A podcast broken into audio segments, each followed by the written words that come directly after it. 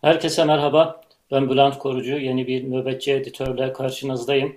Bugünün gündemi daha çok Cumhurbaşkanı Erdoğan ve Erdoğan'ın icraatları etrafında dönecek.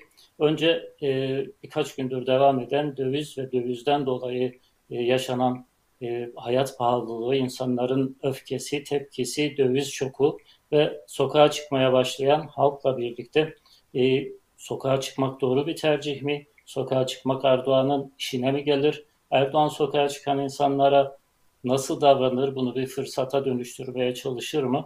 Bunu konuşacağız, bunu tartışacağız.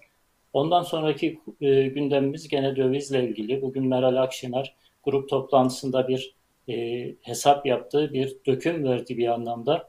E, ve AKP'lilerin çeşitli tavırları, çeşitli tepkileri var. Bunları konuşacağız.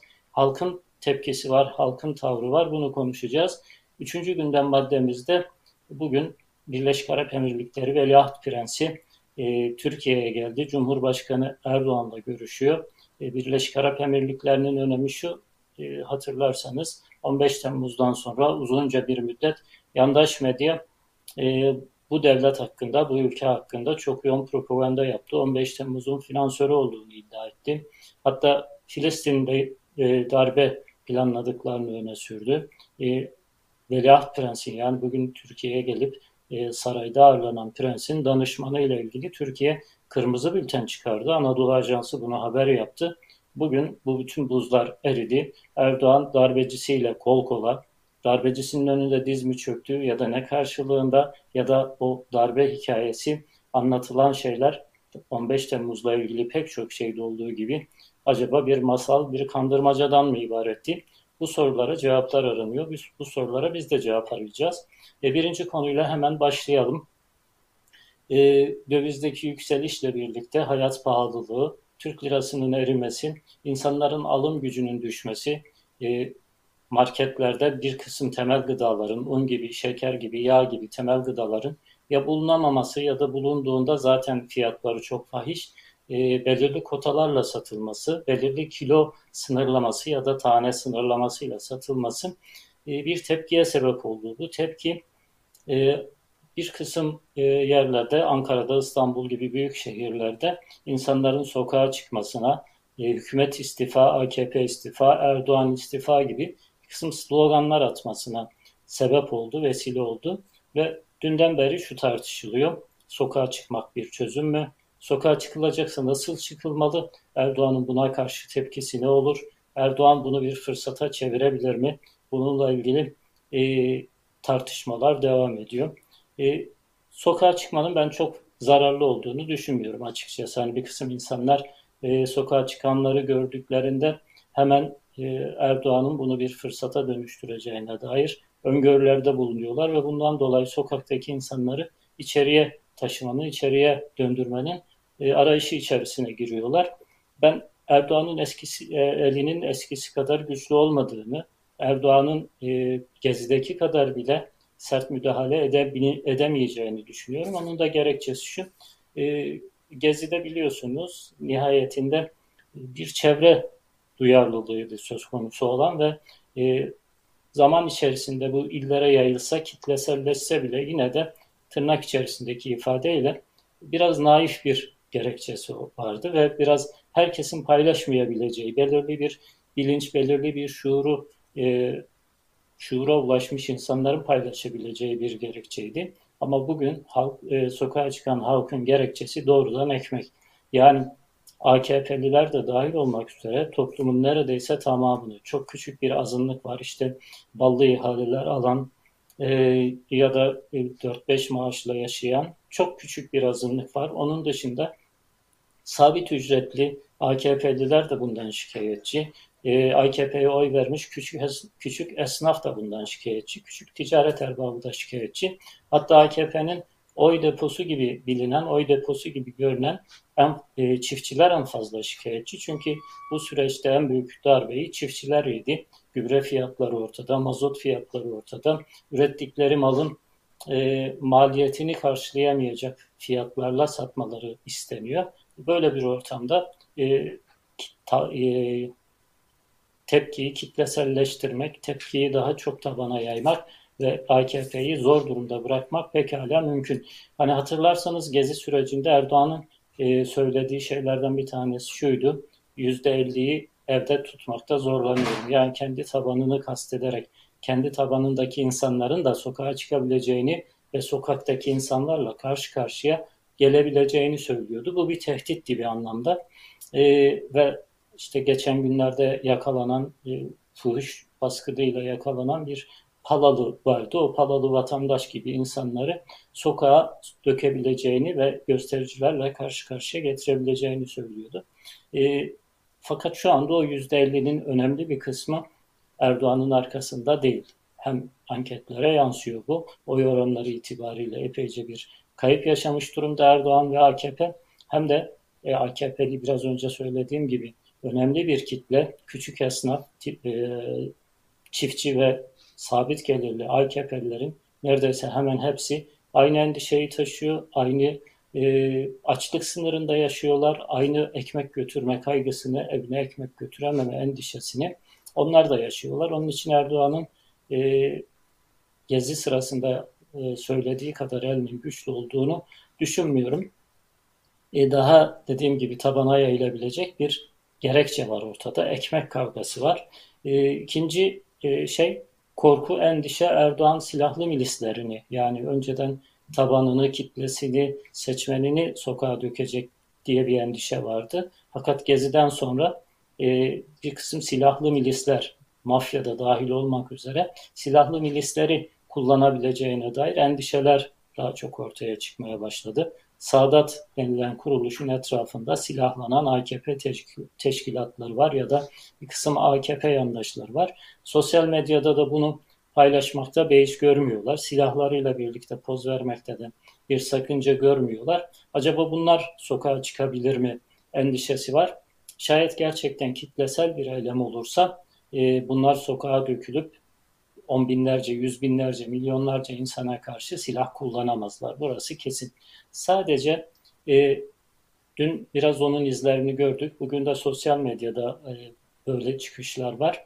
Marjinal sol gruplar şayet e, öncülük ederlerse ve baskın renk bunlar olurlarsa e, kitleler sokağa çıkmakta çekinik davranırlar ve bir avuç marjinal sol grupla AKP'nin silahlı milisi karşı karşıya gelir. O zaman AKP'lilerin Erdoğan'ın bu krizi ya da bu bunu bir krize dönüştürerek sonra bundan bir fırsat devşirmek isteyen Erdoğan'ın ekmeğine yağ sürülmüş olur. Onun için benim şahsen kanaatim hani marjinal sol gruplar derken marjinalliği kötülüyor da değilim. Bazen toplumun büyük çoğunluğunun yerine marjinal bir yerde olmak daha doğru olabilir ama ideolojik ve marjinal bir e, söylemle ortaya çıktığınızda kitleleri arkanıza almakta güçlük çekersiniz. Kitleler sokağa çıkmadığında da tam Erdoğan'ın istediği olur. Erdoğan kendi milislerini sokağa döker, bir tartışma, bir çatışma yaşanır. Bu çatışmanın sonunda da Erdoğan e, bu krizi şöyle fırsata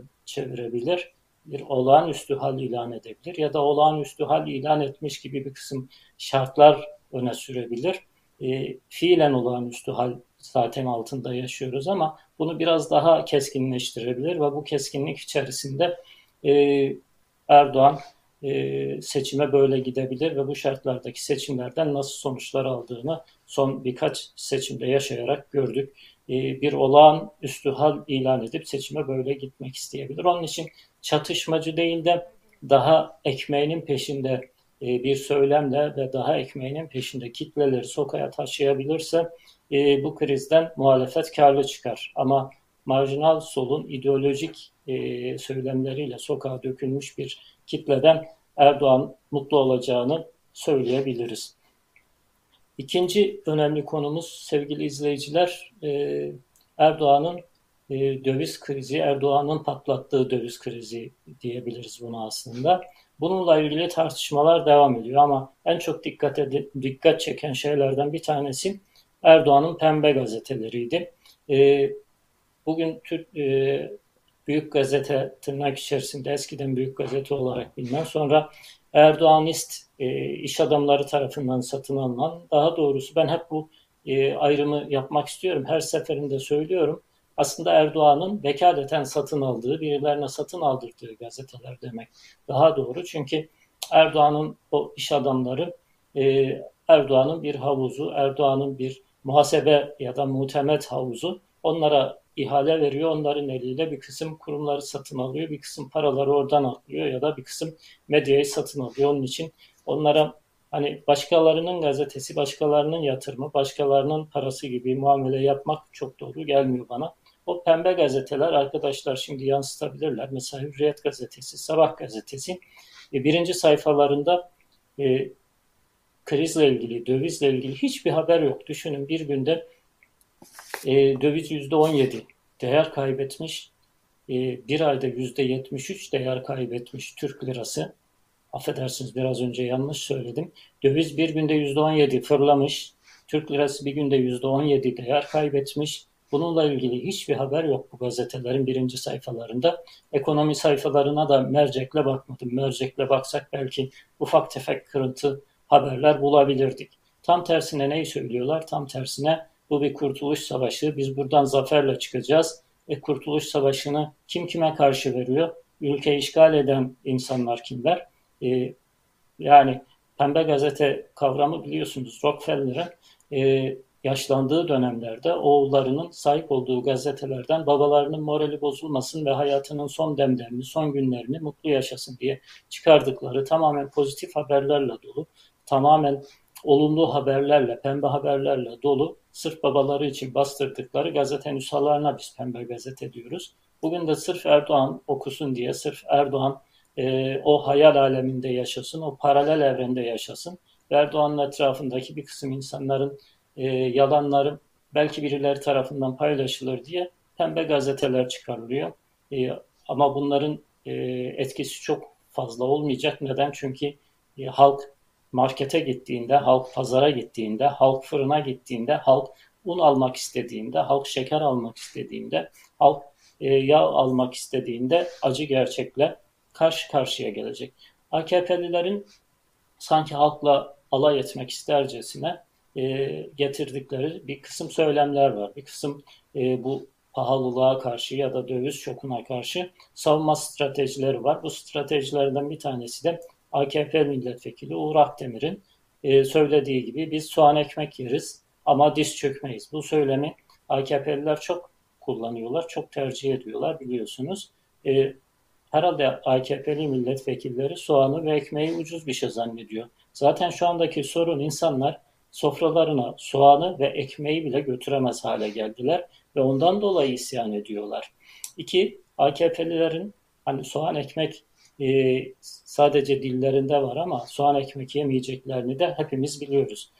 Soğanla ilgili daha yakın zamanda baskınlar yapıldığını unutmuş demek ki AKP'li milletvekili. Yani soğan depolarında insanlar terörist gibi jandarmalarla birlikte görevlilerin, belediye görevlilerinin baskınlarına şahit olduk biz. Ya da tanzim satış mağazalarında uzun kuyruklar olup patates, soğan satın alan insanları gördük. O da yetmedi. Şu anda fotoğraflarda gördüğünüz gibi halka sanki altın dağıtır gibi, sanki büyük bir e, önemli bir hediye dağıtır gibi törenler düzenleyip e, şehire gelen patates, soğan kamyonları için karşılama merasimleri düzenleyen yerel yetkililer gördük, mülki amirler gördük. Şu anda gördüğünüz kişi İstanbul Vali Yardımcısı. Yanlış hatırlamıyorsam şehre giren patates e, kamyonların önünde yaptığı karşılama konuşmasından bir enstantane görüyoruz. Yani AKP'li milletvekilleri gerçeklikten o kadar kopmuşlar ki vatandaşın şu anda istese bile e, soğan ekmek ya da o en temel gıda, en ucuz gıda gibi görünen patatesi bile alamayacak durumda olduğunu dahi unutuyorlar. E, bugün benzine 1 lira 1 kuruş, motorine 1 lira 5 kuruş, LPG'ye de 65 kuruş zam geldi. Eskiden zamlar kuruş kuruş gelirdi. Şimdi artık zamlar e, lira halinde geliyorlar. Lira lira geliyorlar. E, bu bile aslında bir aşamayı gösteriyor. Yani zamlar konusunda e, bilhassa enerjiye gelen zamlar zaten zincirleme bir biçimde bütün sektörlere, bütün evlere, bütün iş yerlerine yansıyor. Bütün arabalara yansıyor. E, eskiden kuruşla yaptığımız hesabı bugünden itibaren artık lirayla yapıyoruz. Lirayla söyleniyor. Zamlar artık lirayla gelmeye başladı. Bugün Meral Akşener grup toplantısında konuştu.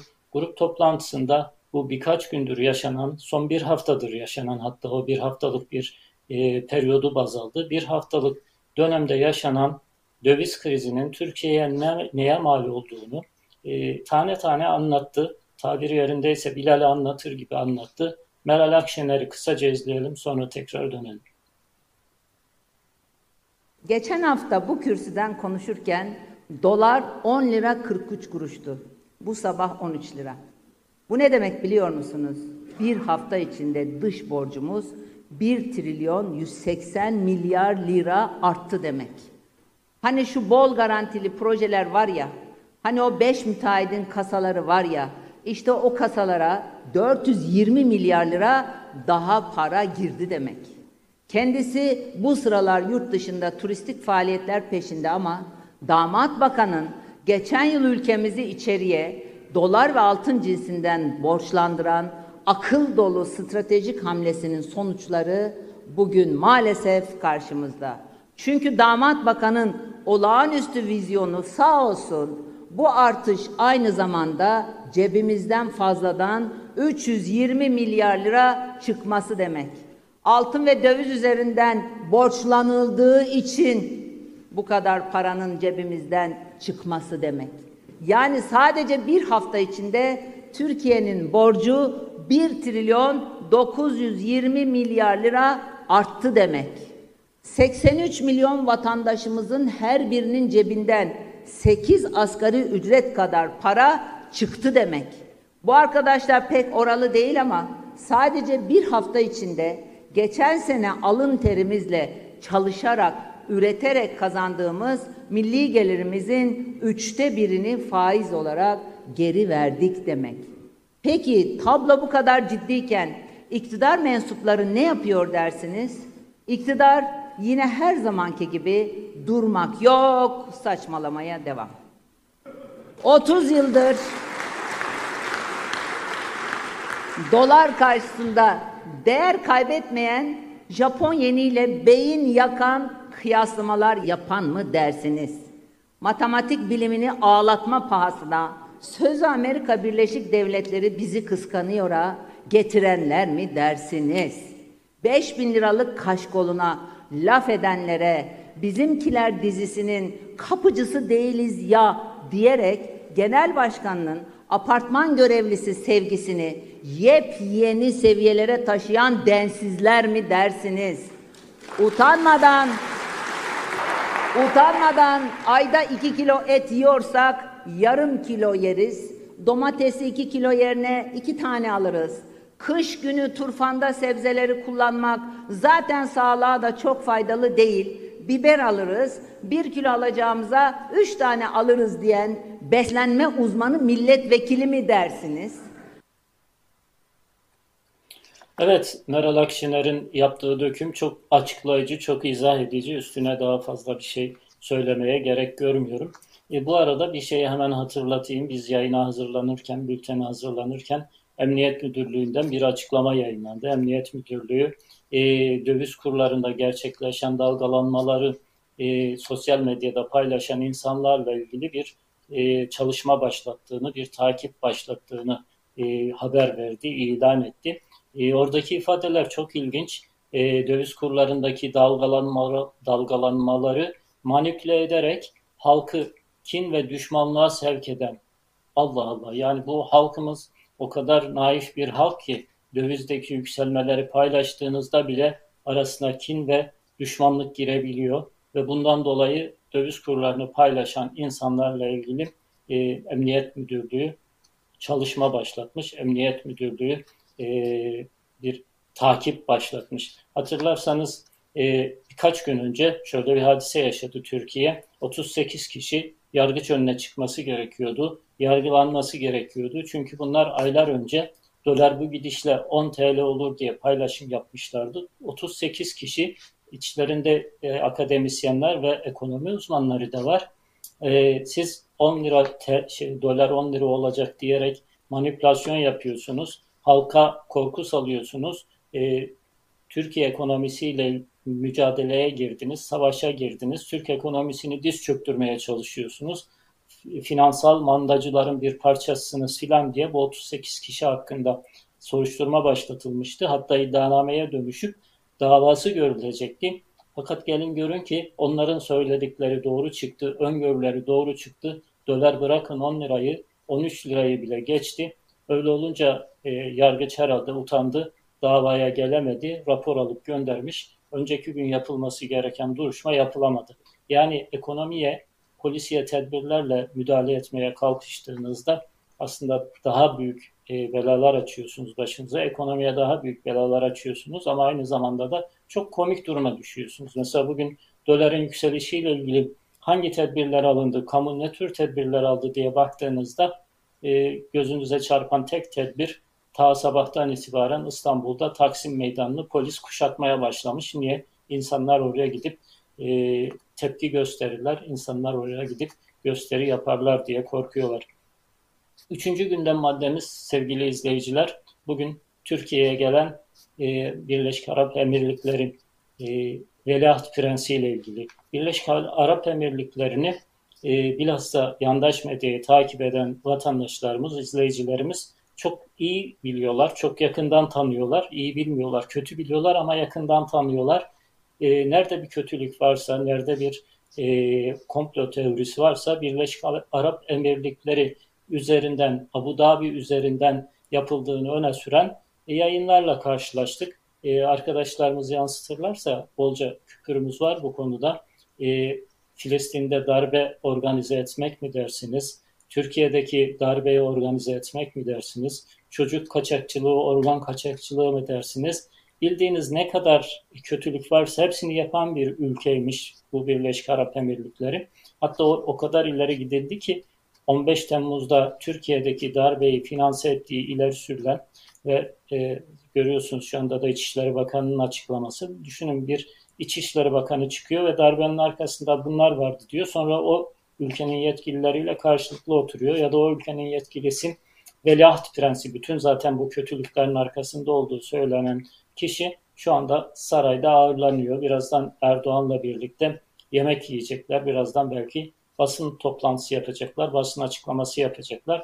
Bir devlet töreniyle karşılandı e, Veliaht Prens, Birleşik Arap Emirlikleri'nin Veliaht Prensi. 2012'den beri ilk defa bu düzeyde bir toplantı yapılıyor. İlk defa bu düzeyde bir misafir ağırlanıyor o ülkede. Şimdi insanlar bugün ister istemez şunu soruyorlar. Biz Erdoğan e, darbecisinin önünde diz mi çöktü? Er, Erdoğan darbecisiyle nasıl kol kola girdi? Madem 15 Temmuz'un arkasında 15 Temmuz'u finanse eden bu kişiydi, bunun danışmanı hakkında kırmızı bülten çıkaracak kadar ileri gittiniz. O zaman yani şimdi yaptığınız şeyi nasıl izah ediyorsunuz? Diz mi çöktünüz yoksa o gün söyledikleriniz masal mıydı? O gün söylediğiniz şeyler 15 Temmuz'la ilgili pek çok söylediğiniz gibi aslında hayal ürünü müydü? Aslında bir psikolojik harp ürünü müydü? Sadece bir algı oluşturmak için mi bunları yapıyordunuz? İşte görüyorsunuz A Haber'den ve ya da diğer gazetelerden e, yani Türkiye'de ne kadar kötülük varsa hatta İslam dünyasında ne kadar kötülük varsa bu veliaht prens ve bu veliaht prensin e, danışmanı Dahlan yapıyormuş. Zaten o veliaht prens doğrudan kendisi yapmıyor. Bu danışmanı aracılığıyla yapıyor. Ve şu anda o veliaht prensle Erdoğan kol kola neden bu yapılıyor? Neden e, böyle bir şeye gerek gördü Erdoğan? Bunu izah eden iki tane e, bir videomuz var, bir de fotoğrafımız var. Merkez Bankası Başkanı e, Kavcıoğlu da karşılama törenindeydi. Alışık olmadığımız bir fotoğraf bu. Yani bir Merkez Bankası Başkanı'nın e, herhangi bir ülkenin liderinin karşılanma töreninde olması e, şahsen benim ilk defa karşılaştığım, ilk defa rastladığım bir şey.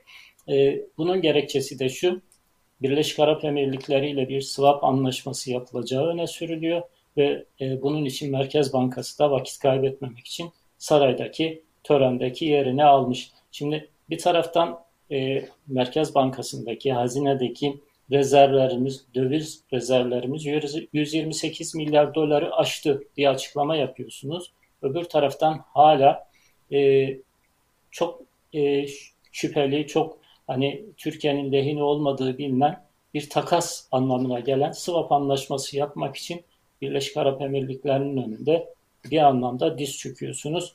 E, bugün e, ekonomi yazarı Turan Bozkurt'un ilginç bir iddiası vardı. Önemli bir iddiası vardı bu görüşmelerle ilgili. E, Aselsan'dan hisse devri yapılacağını söylüyor. E, düşünün AKP iktidarının, AKP trollerinin en önemsediği kurumlardan bir tanesi Aselsan. Muhatabımız 15 Temmuz'da darbe yapmaya çalışmış ve her fırsatta Türkiye'yi, Erdoğan'ı devirmeye çalışmış, tırnak içinde söylüyorum, bir kişiden söz ediyoruz ve o kişiye, o kişinin ülkesinin, o kişinin yönettiği e, fonlara Aselsan gibi çok ciddi, stratejik, önemli bir kuruluşun hisseleri devredilecek haberleri geliyor. Aselsan'ın masada olduğuna dair haberler geliyor. Nasıl ki tank palet fabrikasının Katarlılara ya da Katar görünümlü Erdoğan sermayesine e, sattılar ya da satmış görünüyorlar. 50 milyon dolar gibi bir parayı Türk Türkiye Cumhuriyeti hazinesi, Türkiye Cumhuriyeti devleti bulamadığı için tank palet e, fabrikasını Katarlılara vermek zorunda kaldı. Katarlıları ortak etmek zorunda kaldı. Böyle bir e, durum tekrar yaşanıyor. Çok stratejik bir kurum e, Abu Dhabi'ye, Dubai'ye e, teslim edilecek gibi görünüyor. E, Birleşik Arap Emirlikleri, e, Abu Dhabi, Dubai denince akla önemli bir isim geliyor. Herkesin e, çok konuştuğu, herkesin çok izlediği bir isim gündeme düşüyor. O da Sedat Peker. Biliyorsunuz Sedat Peker orada. Hatta geçen hafta e, Yandaş Medya Yeni Akit gazetesi e, Sedat Peker'i titreten görüşme diye İçişleri Bakanı'yla Süleyman Soylu ile onun muhatabı, o ülkedeki muhatabı arasındaki görüşmeyi bu şekilde vermişti. Sedat Peker de çok sert bir tepki göstermişti ve bir kaseti yayınlamakla onları tehdit etmişti. Sonra karşı taraftan bir ses çıkmadığı için herhalde kaset yayınlanmadı. Sedat Peker de masada olacak. Sedat Peker konusu da gündeme gelecek iddiaları var. Bugün bir, bu iddiaları en üst düzeyden bir isim diyebileceğimiz bir parti lideri, eski bir başbakan Ahmet Davutoğlu, Meral Akşener'le yaptıkları e, görüşmenin sonrasında e, basının önünde sorulan soru üzerine e, Sedat Peker'e hatırlattı ve Sedat Peker'le ilgili iddiaları sordu. Şimdi Ahmet Davutoğlu'nun o açıklamalarını kısaca izleyelim. Ben sadece bir cümle söyleyeyim. Allah kimseyi söylediklerinin tersine davranmak zorunda bırakmaz. Ee, Türkiye'nin bütün ülkelerle ilişkilerinin iyileştirilmesi, gelişmesi, teşvik edilmesi gereken ve takdir edilmesi gereken bir husustur. Ama hangi ilişkilerin hangi yöntemlerde ve nasıl geliştirildiği de önem taşır. 15 Temmuz'la ilgili bu kadar ağır ithamlarda bulunduktan sonra acaba 15 Temmuz'la ilgili ellerinde şu anda Birleşik Arap Emirlikleri'nin hiçbir rolü yoktur diye bir bilgi oluşmuş ya da onlar bir izahat getirmişlerse anlaşılır. Ama sadece işte son dönemdeki açıklamalarıyla birçok siyasinin e, cevap veremeyeceği sorular soran Sedat Peker faktörü bunda etkiliyse ya da perde gerisine bazı pazarlıklar söz konusuyla Türkiye'nin ilkesel olarak takip ettiği politikalarda bir taviz söz konusuysa işte o zaman bunun şeffaf bir şekilde kamuoyuyla paylaşılması lazım. Evet, eski AKP Genel Başkanı, eski Başbakan e, çok sözü dolandırmadan doğrudan sordu. Dümdüz sordu. Sedat Peker için mi görüşüyorsunuz ya da başka hangi pazarlıklar için görüşüyorsunuz? Elinizde 15 Temmuz'daki Birleşik Arap Emirlikleri'nin e, rolüyle ilgili yeni bir bilgi mi var ya da onlar size bir izahat mı getirdiler? Bu konuda hiçbir şey söylemiyorlar. Çünkü zaten 15 Temmuz'la ilgili üfürdükleri şeylerin, e, hayal mahsulü şeylerin pek çoğu algı oluşturmak üzereydi. Algı oluşturmak içindi. E, o algıya bugün ihtiyaçları kalmadı. Bugün daha çok paraya ihtiyaçları var. Onun için paranın kaynağı olan ülkelerin birisinin önünde diz çöktüler. Bence Erdoğan'a diz çöktürüldü. Sevgili izleyiciler, bir nöbetçi editör programının da sonuna geldik. Bizi izlediğiniz için teşekkür ediyoruz. Lütfen kanalımıza abone olun ve bildirimleri açın ve yorumlarınızla bizi yönlendirin. Bildirimleri açarsanız size çok daha hızlı, çok daha e, etkin bir biçimde ulaşma şansımız olabilir. Hepinize iyi haftalar diliyorum. Görüşmek üzere.